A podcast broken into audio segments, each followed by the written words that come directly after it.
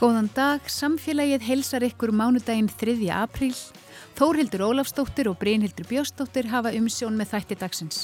Ímislegt á dagskrá hjá okkur við ætlum að horfa til heimins og kynna okkur forvitnilega fræðigrein sem kallast þjóðleg stjörnufræði. En helsti fræðumæður og því sviði heimsóti Ísland nýverið og kynnti rannsóknir sínar sem snúa meðal annars að því að skoða hvaða þekkingu frumbyggja samfélög víða um heim hafa í gegnum tíðina haft á stjarnheimninum. Og það er heil mikið. En vittneskan var nú ekki geimt í einhverjum flóknum og erfiðum fræðigreinum stjarnæðlis fræðinga. Nei, þetta var yfirleitt alltaf í munlegri geimt og svona skáldlega framsett eins og gilvakinning snorraðettu er dæmu um. Nú máltækni er á allra vörum þessa dagana en hún getur haft sína skuggarliðar. Tæknin byggir á gríðarlegu magniteksta sem taka ekkit endilega mið af nútímðinni eða því samfélagi sem við viljum skapa í dag. Svankvít Lilja Ingólfstóttir, sérfræðingur í máltækni hjá miðeind, hefur velt þessum málum fyrir sér. Málfarsmínútan er svo sínum stað og í lokþáttar heimsækir okkur sapstjóri Rúf og hún ætlar að leifa okkur að heyra eitthvað úr fortíðinni. Sapn Rúf geymur jú marga geymsteinana. En við byrjum með stjörnunum.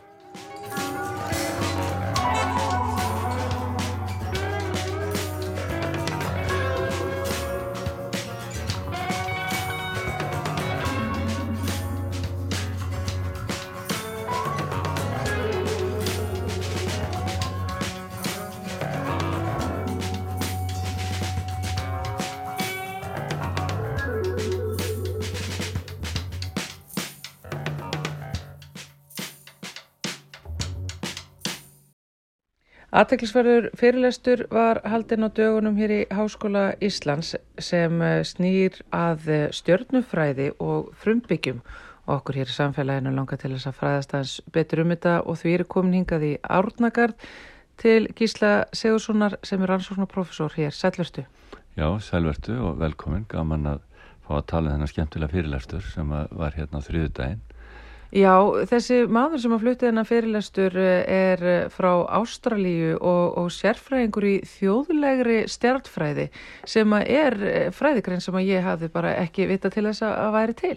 Nei, það er ekki von. Hann heitir Dwayne Hamacher og hefur skrifað í bóki fyrra sem heitir The First Astronomers How Indigenous Elders Read the Stars eða hvernig svona eldri fræðaþulir eh, rína í stjörnurnar og hann er að tala um eina fyrstu stjörnufræðinga og sem er tilvísin í það að þessi stjörnufræði sem við þekkjum vestrann stjörnufræði sem er rækinn aftur um Greiklandi, Súmer og, og uh, gegnum Arabaheimin til vesturlanda aftur að þetta sé kannski ekki eina, eina stjörnufræði sem ykkur hafi verið í heiminum heldur hafi frumbyggjar ekki bara í Ástralíu heldur út um allan heim í Amríku og norður og söður og innvítar og, og fólk uh, í Afriku uh, allt saman verið með skoðanir á stjórnuhimninu og verið búin að finna út hvernig hann virkar, hvernig hann snýst, hvernig plánuturnar, reykistjórnunar reyfast uh, á sínum forsendum inn í,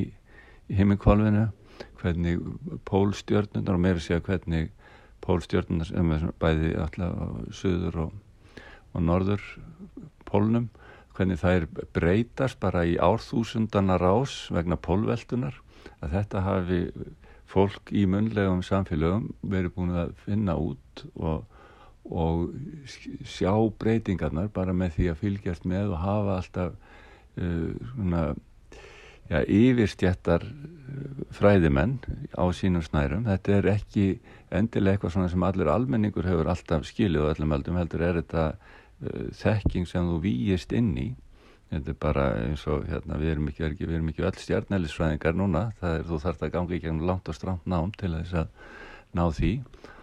Og uh, þetta er hans hugmynd og hann er alltaf búin að vinna með frumbyggju mikið í Ástralju og líka er hann með uh, gögn frá mest þá uh, frumbyggjum í Norður Ameríku og og Inuitum en líka svona týnir gögn annar staða frá en hans svona vettvánsrannsóknir eru mest í Ástralju og þá er þetta einmitt svona það eru ákveðin einstaklingar inn í e, þjóðfélagunum sem eru settir á þessa lærdómsbraut og látnir læra af sér eldri mannum og svo eru þeir výðir inn í þetta og þetta er þekking sem þeir geta ekki deilt nema mjög óverulegu leiti með utanakomandi sko, aðvíðandi mannfræðingum. Það er líka hluti af vandamálinu þessu að þú veist þetta því að þú ert búin að ganga í gegnum allar hinnar serimóniur og þá máttu bara segja sko, þeim sem eru með sömu víksl og þú frá þetta, er svona einn stór frímur eða einn lítil frímurarregla og uh, þannig að það er hann verður svona að svona vinna þetta fram og tilbaka og þeir stundum segja já og stundum ekki og, og svo framvegir þannig að þetta er ekki einfalt mál hvernig nærmaður svona þekkingu fram svona þá sko, bakgrunninum og kerfinu á bakvið hana og þetta er kannski og þess vegna er við með áhuga á þessu hér og vorum með hann í fyrirlestri á miðaldarstofu að við eigum uh, snorrættu það sem er verið að tjá góðsagnir í, uh, á tíma 13. öll þegar heiðin er ekki lengur trúabröð en þá er þetta enþá þekkingarkerfi og uh, og einhver hugsun sem er tjáð með góðsögum ekki bara einhverju ræfintýrasögur um það að þessi draf hinn og þessi hjælt fram hjá þessum og eitthvað svona heldur er þetta, er þetta hugtök um hímingkvolvið og ef við förum að rýna í snorrætu þá sjáum við að þetta er allt á himni þetta er allt á himni, það segir endalust að þetta sé á himni við höfum bara aldrei tekið eftir því að því að við erum svo verðin að segja fæði voru þú sem ert á himnum og tökum það ekki bóstaflega en það kemur í ljós þegar farið er að skoða einmitt þetta átráð þessu þjóðlegu stjörnufræði uh, Eh, vingli að eh, allar þjóðir út um allan heim eru með sínar góðsögur og allstaðar er þessi vingil í þeim að þær er að výsa upp á heiminin. Það er ekki bara grísku góðsögurnar sem eru um stjórni heiminin heldur góðsögur út um allan heim.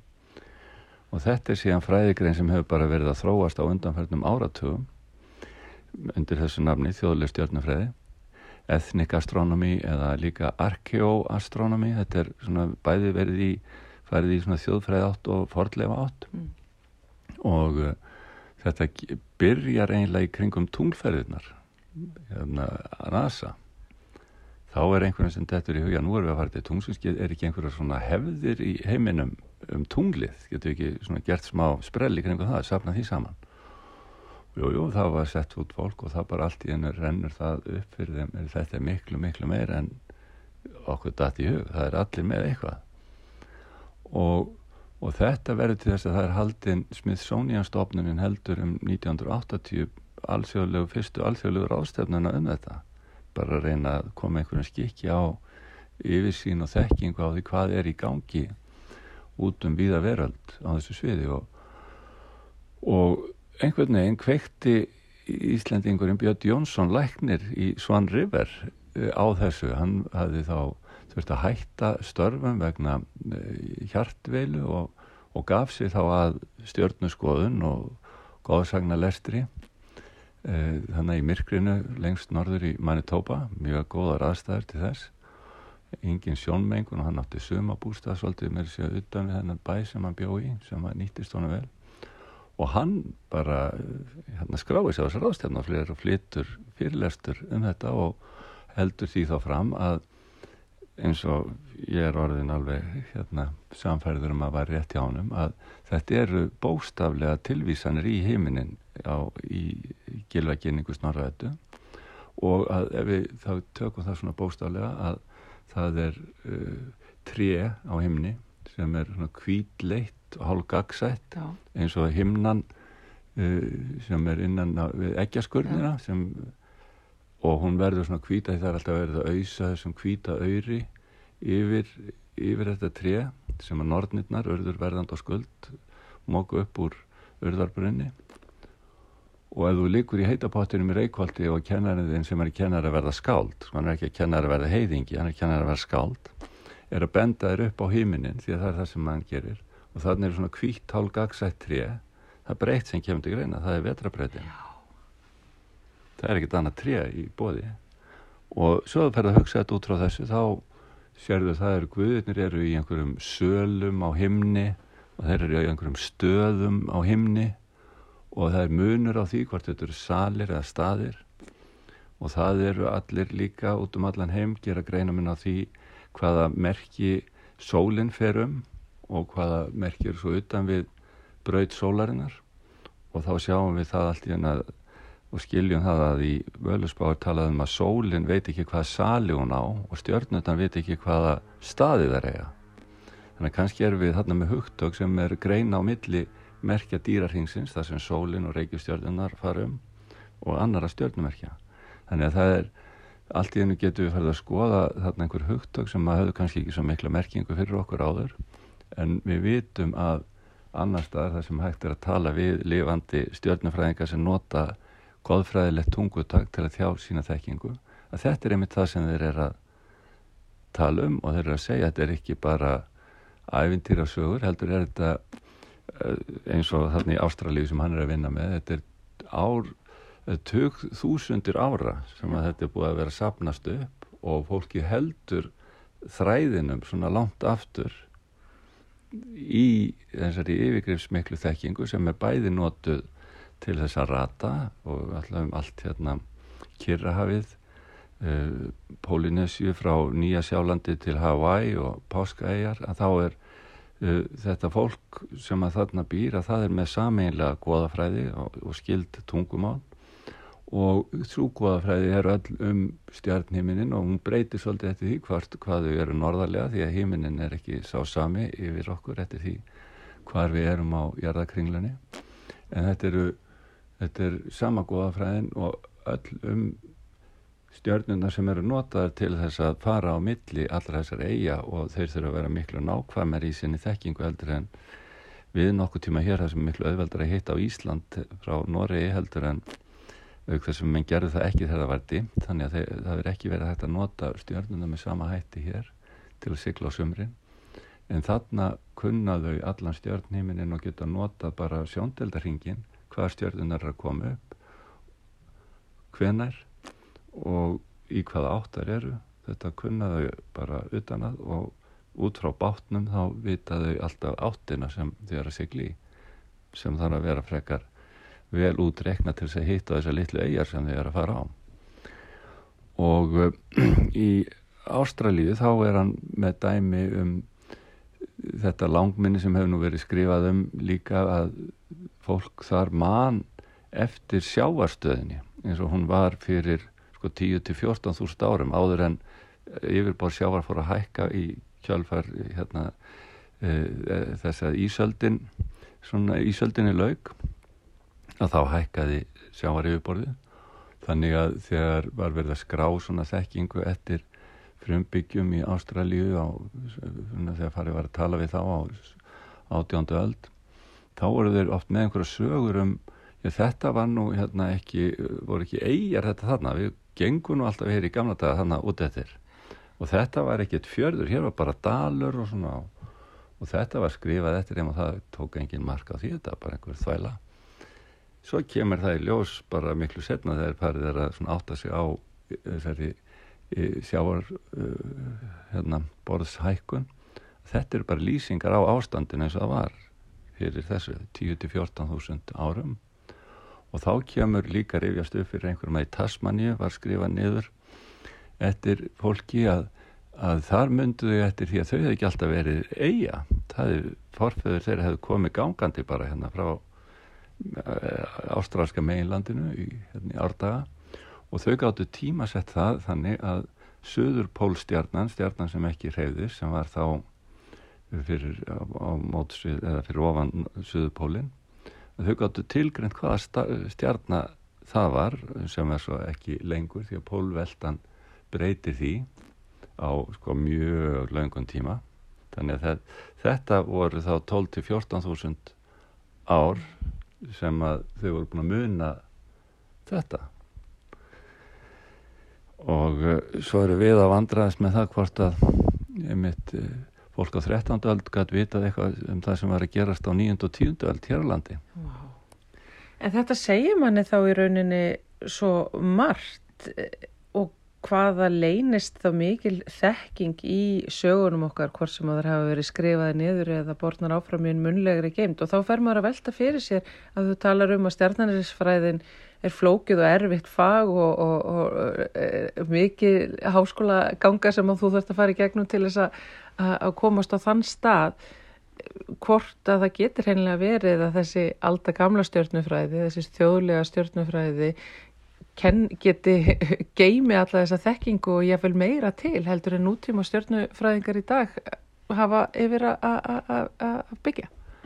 Já, það svo er, ég held að við ættum einmitt ekki að hugsa um þetta bara síðan út frá sko, stjórnufræð og nútíma stjórnufræðingum, að það er sem er, finnst mér áhugaverðast í þessari fort stjórnufræði sem er, sko, hefur kannski sko skilað sér inn í nútíman í því sem við kallum stjórnusbeki, er að það er þetta er í rauninni öll vísindin sem að mannkinni er að stunda árþúsundum saman. Þetta er, fólk er ekki mennin tilraunaglöðs og það er ekki mennin að sérstakka félagsfræði, það er ekki mennin neitt svona sérstak fræði hólf eins og við erum með heldur er, þetta eru fræðimennir í samfélagunum, þeir eru að fást við þetta, þeir eru að fást við heiminin og þeir eru að skilja hann og þeir eru síðan að tjá allar þær reyfingar og allt sem þar er að gerast í þessum góðsugum sem að geima líka sko siðfræðina, hvað er rétt og ránt og geima alls konar greiningar á sko sálarflækjum okkar, mannana, endur sko sál, nútíma sálfræði, hún byggist mjög mikið á góðfræði hugtökum úr, úr klassískri góðafræði Já. og það er vegna þess að það er raunni búið að greina okkur öllum þessum, á öllum þessum árþúsundum en bara svo greiningar all tjáð á þessu þekkingarformi þannig að sko þegar við erum að tala um sannleikskildi góðsagna og hvað er þetta fólk hafi trú að þessi eða hinnu þá er það kannski full einfældningsleg sko umhugsun um þetta Já. að þetta er allt satt bara á svona þennan tákgræna hátt. Þetta er ekki þannig að fólk trúi því að personan óðinn hafi verið að gera þetta og hitt heldur er þetta allt tjáð í þessu personan óðin er svona af svona vafrandi kyn, kyn hlutverki og svolítið siðlaus og stundum sko, siðlegur og stundum gerur hann rétt og, og, og svo er hann líka sko, hérna eins og merkur, hann er að reyfast með sólinni og hann er að fara og hitta þennan og gera hitt og, og þá sjáum við allt í þenni stjörnuspekinni eins og hún hefur komið niður til okkar að um, þar hefur Merkur einmitt þetta svona tvíkynja hlutverk að því að hann er sérst svona sitt hverju megin við sólina og er svolítið breytilegur mm. út af því hann svona daldi eins og tunglið bara og þá allt í einhverju yfirstæði fyrir okkur að Freddi Merkur í hann velur sér þetta listamannsnafn. Þannig að þetta er sko þessi hugmynd og þessi greining á mannlífinu, hún er enþá bara skiptir okkur máli. Já. En við erum samt líka dramsöma þegar við höldum alltaf að við séum að finna upp hjólið. Já, já, það er bara eitt af, eitt af því sem að góðsögurna segja okkur líka, þannig að það þarf ekkert að hérna, vera að hýsa á því ja. og líka þetta, við erum alltaf að þrasa það er deilutnar, halda alltaf áfram. Það er mikla jafnfægi mun aldrei nást. Að það eru góðsjóðunar eru alltaf með það, það er alltaf einhver átök. Og, og það er svona reglubundið og það er, það er bundið í svona alls konar okkar helgi síði og, og venjur að við erum að fagna á hverju ári að við höfum einhvern veginn sloppið eins og jólinn að við höfum sloppið yfir það versta í skamdeginu og það er að byrja byrja nýtt ár og við gleðumst yfir því. Og þetta er mjög algengt ef þetta fólk er að fagna einhvern veginn í kringum þessi, þessi vendi punta ársins, hvort sem það eru vetrar uh, sólkvarfin eða sumasólstöðunar og uh, jafndægrin á, á, á vori og, og hausti. Að þetta er oft nota til þess að, að halda einhverjar hátir og þá í tengslum við hímingkolvi eins og páskarnir sem eru núna að koma. Þetta er tengt við jafndægur og fulla tunglið og svo viku reikningin mm -hmm. þannig að þessi þekking á heimikólinu er líka alveg líkilatrið bara í svona praktískun hlut eins og tímatalinu. Og þegar þú ert að þú reynir að hugsa þig aftur í sko, þjó, þjóðfélag þar sem að fólk veit ekki hvaða dagur er að því að sjá það á bladhausnum á bladinu sem dettur einu lúna hjá þur eða í símanum það er ekki eitt prenta dagatal til. Þú ætti að vita hvaða dagur er að því að þú ætti að mæta á alþingi á vissum vikudegi í ákveðinni viku sumars og ef þú gerir það ekki í þínu ennbætti sem, sem goði að þá missuru ennbætti og ert sektaður og byrju, þá þarf ég að vikna einn að vita hvernig fylgist ég með þessu. Það er enginn sem segir mér þetta. Ég tel ekki bara dagana 1, 2, 3, 4, ég þarf að vita þetta vegna þess að þau, þau bæta líka við einni viku sumarauka vegna þess að 52 vikna kerfið sem að uh, er grundvöllurinn að gamla dagatalni hér þannig að maður skipt er í, vetur og sumar. Það gengur ekki alveg upp í árinu. Þannig að í staðin fyrir að hafa hlaup ára fjóra ára fresti eins og við erum með í okkar tímatali þá var bætt inn einni viku reglulega til þess að stilla þetta af og þetta uh, verða menna sko vita með því að fylgjast með einmitt uh, sólstöðunum og sólkvarunum og það, þegar þetta er komið orðið aðeins skakt þá þarf þetta skjóta þessu og svo reiknar fólk þetta út smá saman og veit alveg hvernig, hvernig þetta kerfa á að vera. Ég held að ég segi það bara alveg hinskilislega. Það er þá fátt sem að hefur kipt manni eins harkalega neyru á jörðina og þessi þjóðlega stjórnufræði og, og svona eh, svo þekking og, og, og eh, þær leifinningar sem því fylgja. Takk kærlega fyrir að segja okkur á þessu og við kveitjum fólk til þess að, að, að já, vera auðmjúkt akkvært umhverfið sinni og þeirri þekkingu sem við erum með kringum okkur. Gísli Sigursson, rannsókn og professor hjá Háskóli Íslands. Takk fyrir spjallið. Takk fyrir. Your heart is like a dough You shape it how you want I can't stop thinking of How that makes me want you at all you're playing all these games that I don't know how to play. Now you say you love me, the next you're going away. So I find new love, cause that is what I do. Scaring off the door.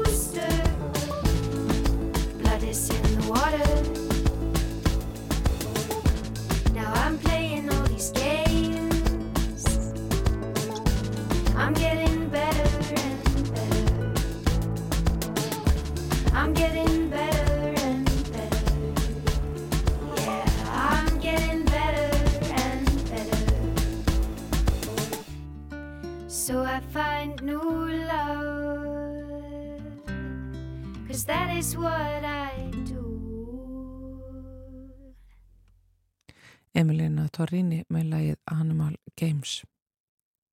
Máltækni hefur verið mikið í umræðinu vegna samstarfs miðeindar og uh, stórfyrirtækinsins OpenAI. Máltækni er mikilvægur hluti af framtíðinni en uh, í henni búa hins vegar ímsar áskoranir og hættur. Svo kallar er bjagar eða bæjas eins og það heitir á ennsku, það er komið íslenskt orðið við það sem er mjög gott. Uh, hlutdrækni innan líkanana, uh, skekkjur og svo framvegs. Svangvít Lilja Ingólstóttir, sérfræðingur í máltækni hjá miðeind, hér komin hinga til okkar. Sæl Svangvít. Sæl. Uh, getur það sagt okkur frá því svona hvaða bjagar búa í þessum, þessari tækni? Já, sko, bjagar eða þessar skekkjur uh, eru bara svo margskonar og uh, það sem að hefur verið mest kannski talað um, það er svona uh, kynjahalli, það sem að, að því að í þjálfunagögnunum sem að þessi líkunir þjálfuð á, þá eru alls konar kynjafordómar, það eru alls konar tekstar, það sem er kannski hattusáður þegar kakvart konum og, og svona þetta er kannski það sem við tala mest um. Þetta kemur þá allt fram í, í úttakinu og líkunum en það eru bjagargagvært bara öllum minnilhuta hópum sem þú getur ímyndaðir, öllum jæðasettir hópum. Uh, við getum líka að tala um bjaga, tungumála bjaga að því við erum með uh, líkan sem að, uh, er þessi, þessi gerfikrænta líkun eru flest þjálfuð á ennsku aðalega sem þýðir að ekki bara skilja þau og tala ennsku betur heldur enn tungmál heldur eru þau líka bara hérna, taka mest mið af þá amerískri menningu eða, eða svona ennskumælindi menningu. Og það hefur áhrif á hvað telst svona hýð venjulega í líkanænu og þannig að þessi bjagar eru bara ótalmarkir og, og hérna í raun bara fer eftir því hvernig þú spyrð. Fólk gerir ofta ráð fyrir að teknin sé hlutlös, að sé uh, hérna, allt svolítið svart eða hvít, kannski eftir því að hvernig við höfum svona uh, notað eldri tekni þar sem þú kveikir ljósi eða þú slekkur ljósi. En nú erum við farin að vinna með uh, líkan sem er þjálfað á öllum þessum teksta sem að fólk hefur skrifað og við erum eins og við erum við hérna uh, höfum alls konar uh, fyrirfram fyrir, fyrir gefnar hugmyndir og fordóma og skoðanir sem endur speglast í þessum textum. Fyrir utan að internetið sem að er svona uppislaðan í þjálfunagögnunum það textarnir sem að þar eru skrifaði það ég held að sé alveg ágætis meil hluta uh, Karlmenn sem hafa skrifað texta. Uh, og við verðum líka að hugsa um þá texta sem að eru og það er rattir sem að koma ekki fram í þjálfunagögnum og uh, kannski íktasta dæmi er þá að, að sumstaðar þá bara hreinlega megakonur og stúlkur ekki lesa og skrifa og, og hérna, þeirra vantar, rattir vantar þá algjörlega í gögnin og þar með í líkunin. En það eru fleiri dæmi, það er til dæmis bara fólk sem hefur ekki aðganga að þessari teknu aðganga að því að skrifa texta á netið bara út af fátækt eða uh, af því að það talar ekki málið í landinu sem það býr, til dæmis innflytjandur eða, eða fólk með þróskahömlun sem man bara uh, hefur ekki mikið uh, mikil tökku á að skrifa texta.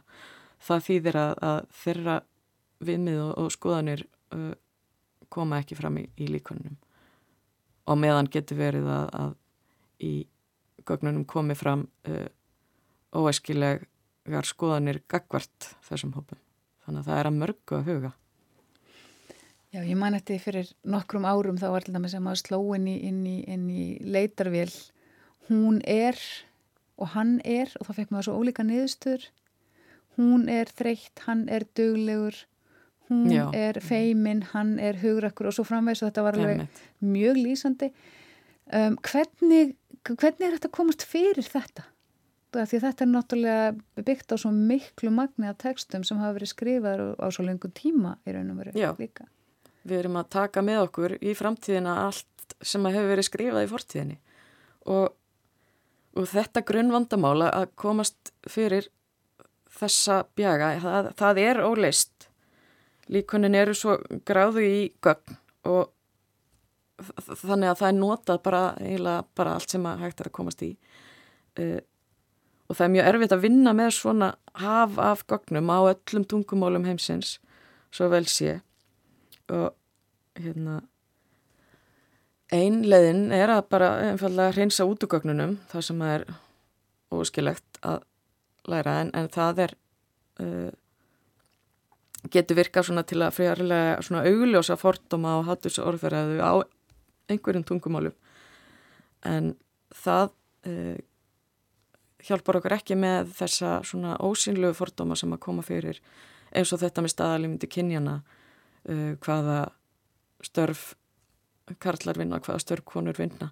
Uh, líklega viljum við ekki að, að, hérna, að uh, að segja bönnum okkar hvað, að, að þau megi bara vinna við einhver hérna, ákveðin störf út frá kynni Þessir, þetta vandamál er í grunninn svona svolítið óleist en það hafa verið alls konar leiði til að gera þetta og, og forðast svona uh, fordama og, og, og skekkjur í gagnunum og í líkonunum.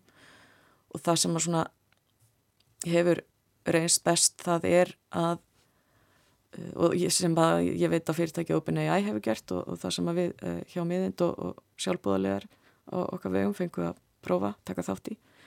Það er svona mannleg endurgjöf.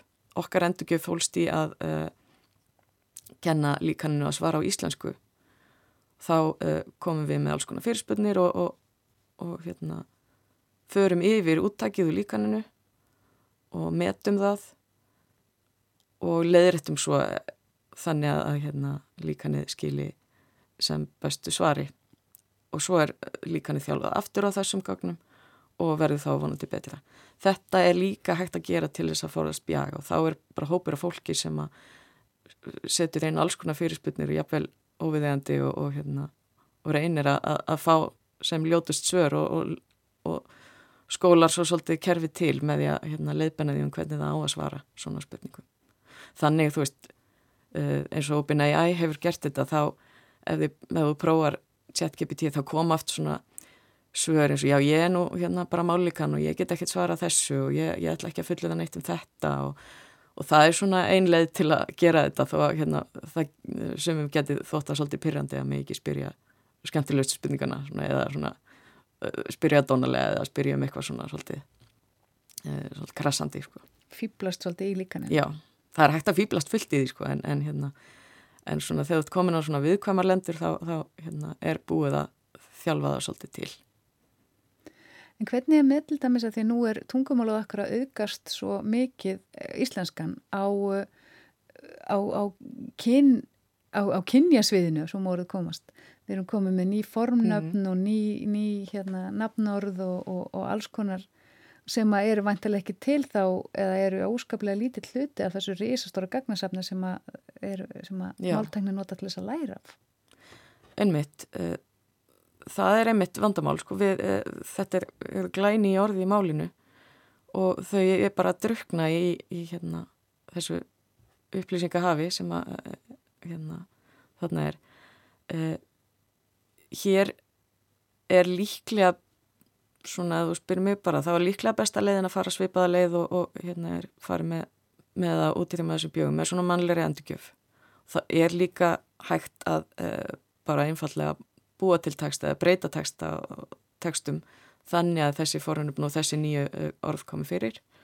Og það er eitthvað sem við erum að, að hérna, prófa okkur áfram með hjá miðend, það sem við erum að gera uh, langt um minni líkun en við erum að þjálfa að gera greinda líkun og, og viljum geta tekið mið af, af þessum orðum og geta meðhendlað persónuformni hán og nafnaðin kvár og stálp og, og svo framvegis þannig er, getur við til dæmis breytt bara einfallega þjálfunagögnum þannig að þessi orð komi fyrir í meira mæli. En uh, nú er það sem að við hugsum alltaf um þegar við erum hugsa um gerfugreind og á að þá alveg við um máltækni er einmitt þetta orð, greind. Er, er þetta veist, er þetta velar sem er að eða, eða hvað maður segja geta þau lært og segja þau það hvað, mm -hmm, veist, geta þau lært, geta þau, uh, geta þau verða þau klárarinn við, uh, munu þau sjá að sér hagi í að, að, að verða okkur, að miska ég meina, þú veist, er, er, er, er þetta greint? Er þetta, þetta klár klárt fyrirbæri? Já, það fer eftir hvernig við skilgreinu greint og það er bara ansið flókið heimsbyggilegt málefni og nú er ég engin heimsbyggingur en hérna, ég veit að það er svona talað um greinstundum sem, já svona þegar ofta verið að reyna skilgreina greint þá er það svona getur þetta fyrirbæri hugsa rökrétt eða hérna skipulagt sig eða svona og hugsa abstrakt og lerta reynslunni og, og hérna getur það leist flókin vandamál. En þetta er náttúrulega svolítið miða við hvað það er sem við getum.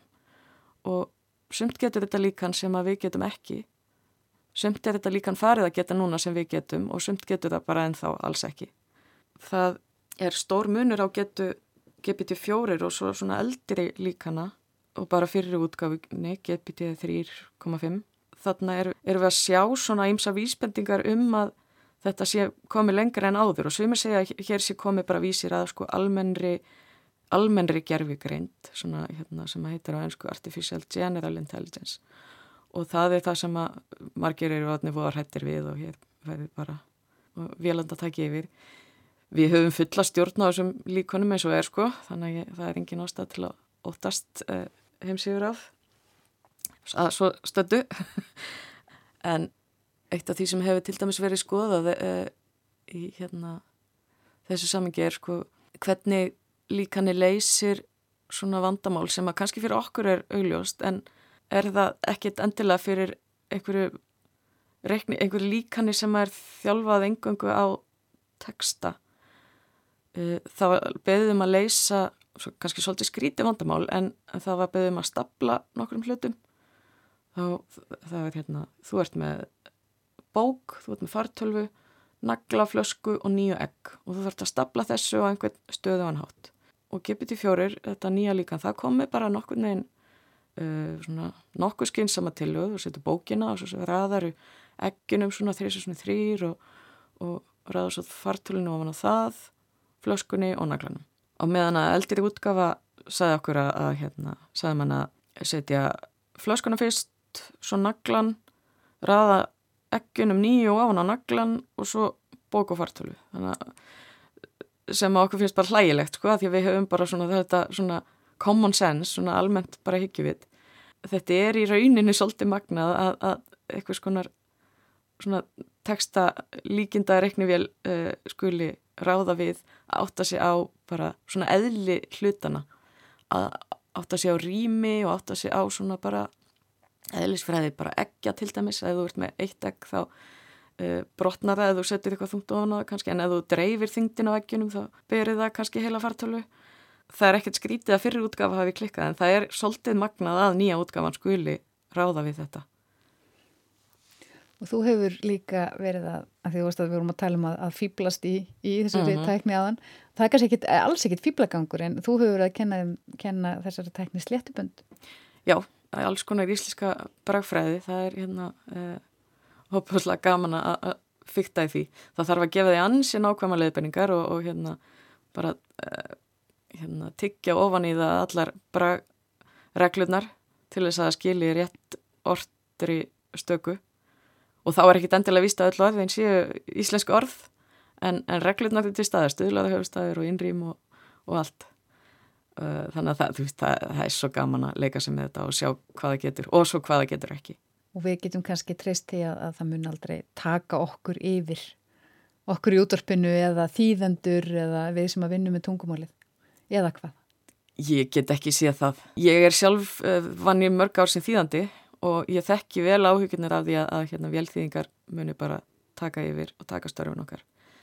Ég er að vona að uh, þetta þróist frekar í það átt að, að þýðandi fái þá bara meiri verkefni geti nota þessi, þessa tekni til að, að uh, komast í gegnum svona einföldu verkefnin náðu þá að anna meiri, fleiri verkefnum og fáu þá bara meira, veist, meiri texti verði á endanum þýttur að það er ekkert sjálfgefið að, að, að, hérna, að við eigum að vera að þýða það magna texta sem við þýðum í dag, við getum verið að þýða miklu meira og þá getur fólk verið að lesa miklu meira á íslensku.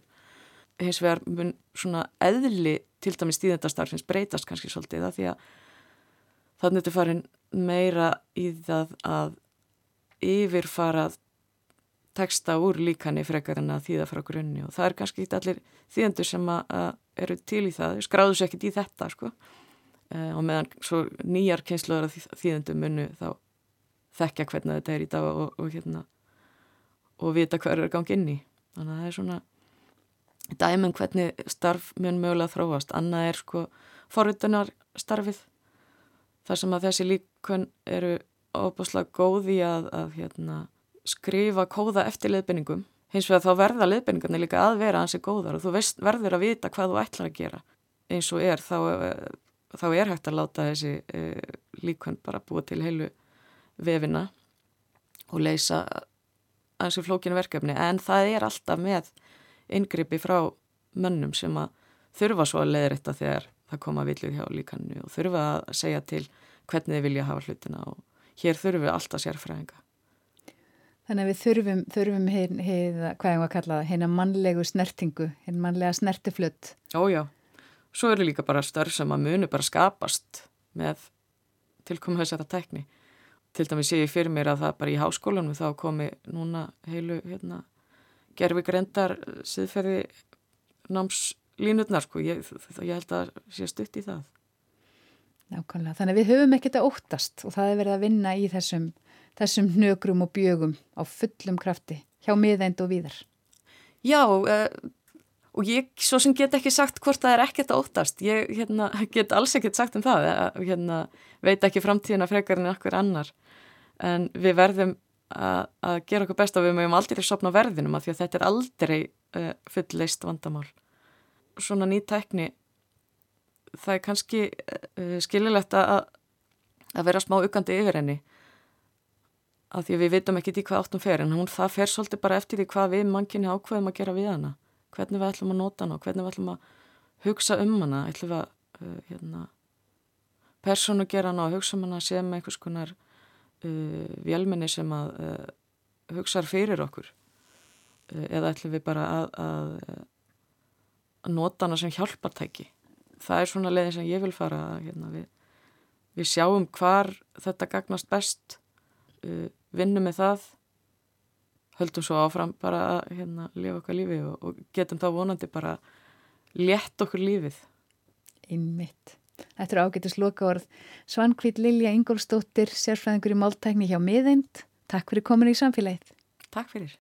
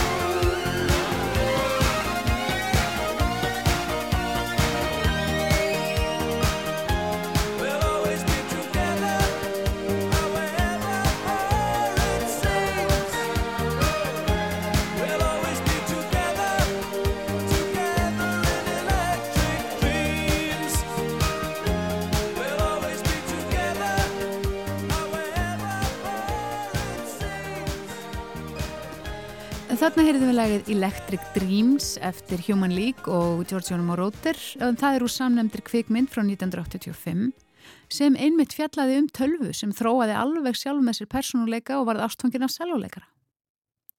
Við fáum heimsvokn frá safni Rúvón Bráðar en fyrst eina málfarsmínúti.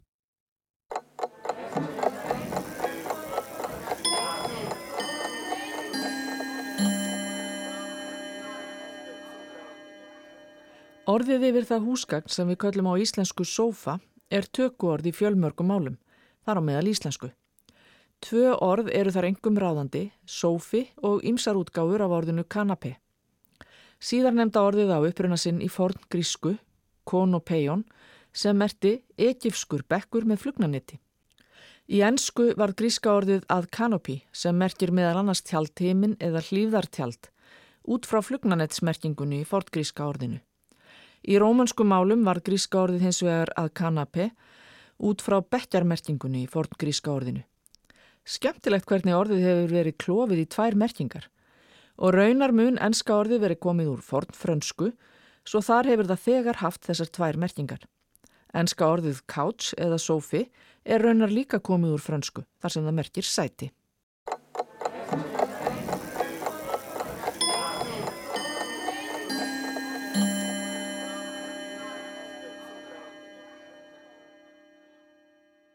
Og þá er komið að sapna spjallinu hérna hjá okkur í samfélaginu en hún kemur reglulega í heimsók til okkar Helga Lára Þorsteinsdóttir sem er sapstjóri Rúf. Sælvertu Helga Lára. Komið sæl. Þú ert nú mikið að garfa í þessari gullkistu sem að er sapnið okkar og finnur nú yfirleitt eh, svona eitt og annað sem að þú berð hér á borð fyrir okkur. Hvað ertu með í farteskinu í dag? Já, það er ekki óleglegt að einhverjur hafi hlaupið apríl á lögadaginn og því fannst mér tilvalið að reyfja upp gamalt aprilgap úr sapni fréttastofunar. Já. Og að þessu sinni ætlum við að taka fram frétta innskott sem var flutt í hátdegisfréttum þann 1. april árið 1986.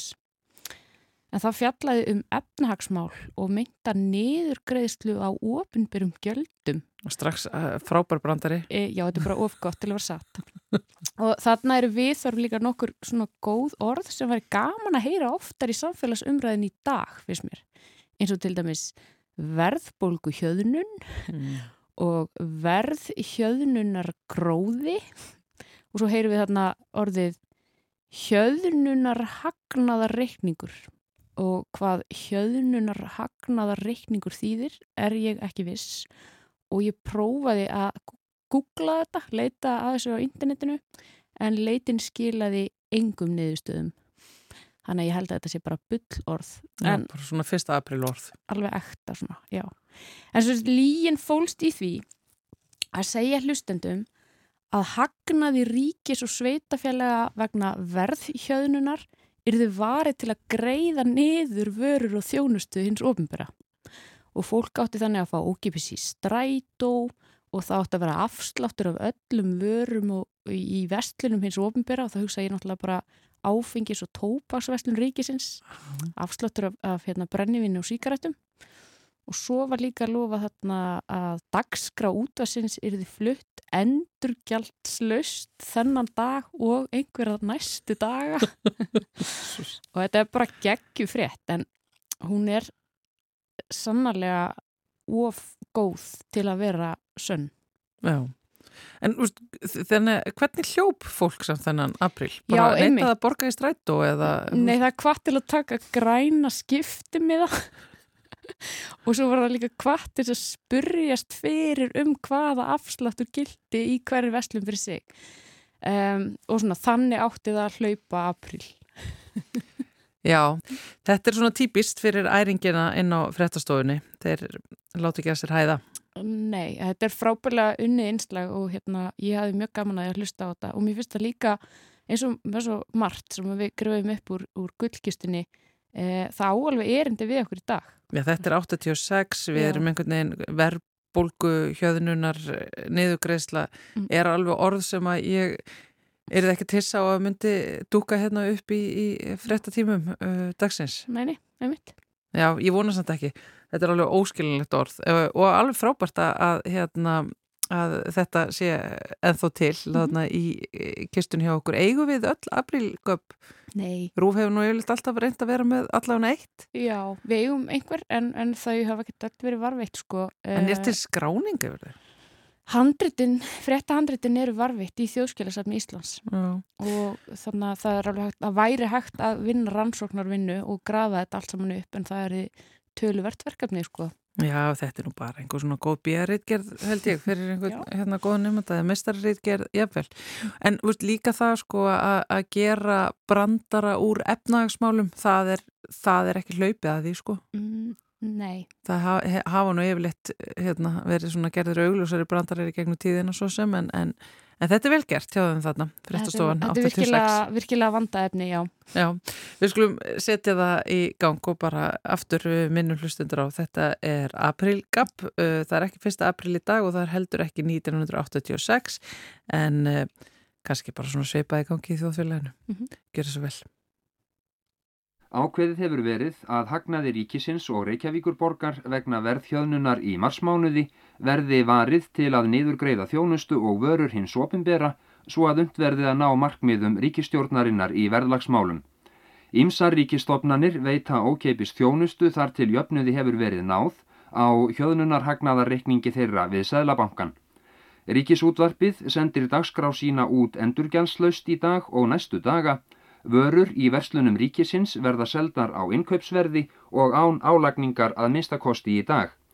Fastir viðstiftavinir strætisvagnar Reykjavíkur fá ókeipis far með vagnunum í dag. Menn verða þó að muna að byggja um græna stiftimiða sem gilda í þessu augnamiði. Allar stofnanir hins ofinber að veita afslátt eða, eða ókeipis þjónustu í einhverri mynd. Verðlagstjóri hvetur fólk til að veita virt eftirlit og spyrja eftir því á hverjum stað í hverju afslátturinn sé fólkin. Samkvæmt yfirliti OECD efnahagssamvinnustofnunar Vesturlanda sem fréttastofa Reuters skýrði frá í morgun hafa Íslendingar sett heimsmet í verðbólgu hjöðnun. Verðbólgan var um 32% í fyrra, í síðasta mánuði var hins vegar verðbólgan mínus 12,2%. Það jafngildir mínus 79% á ásgrundvelli. Ljóst er að hinn snögga verðbólgu hjöðnun hefur haft keðjuverkandi áhrif sem stjórnvöld gerðu sér ekki grein fyrir þegar gripið var til aðgerða vegna kjærasamningarna fyrir mánuði.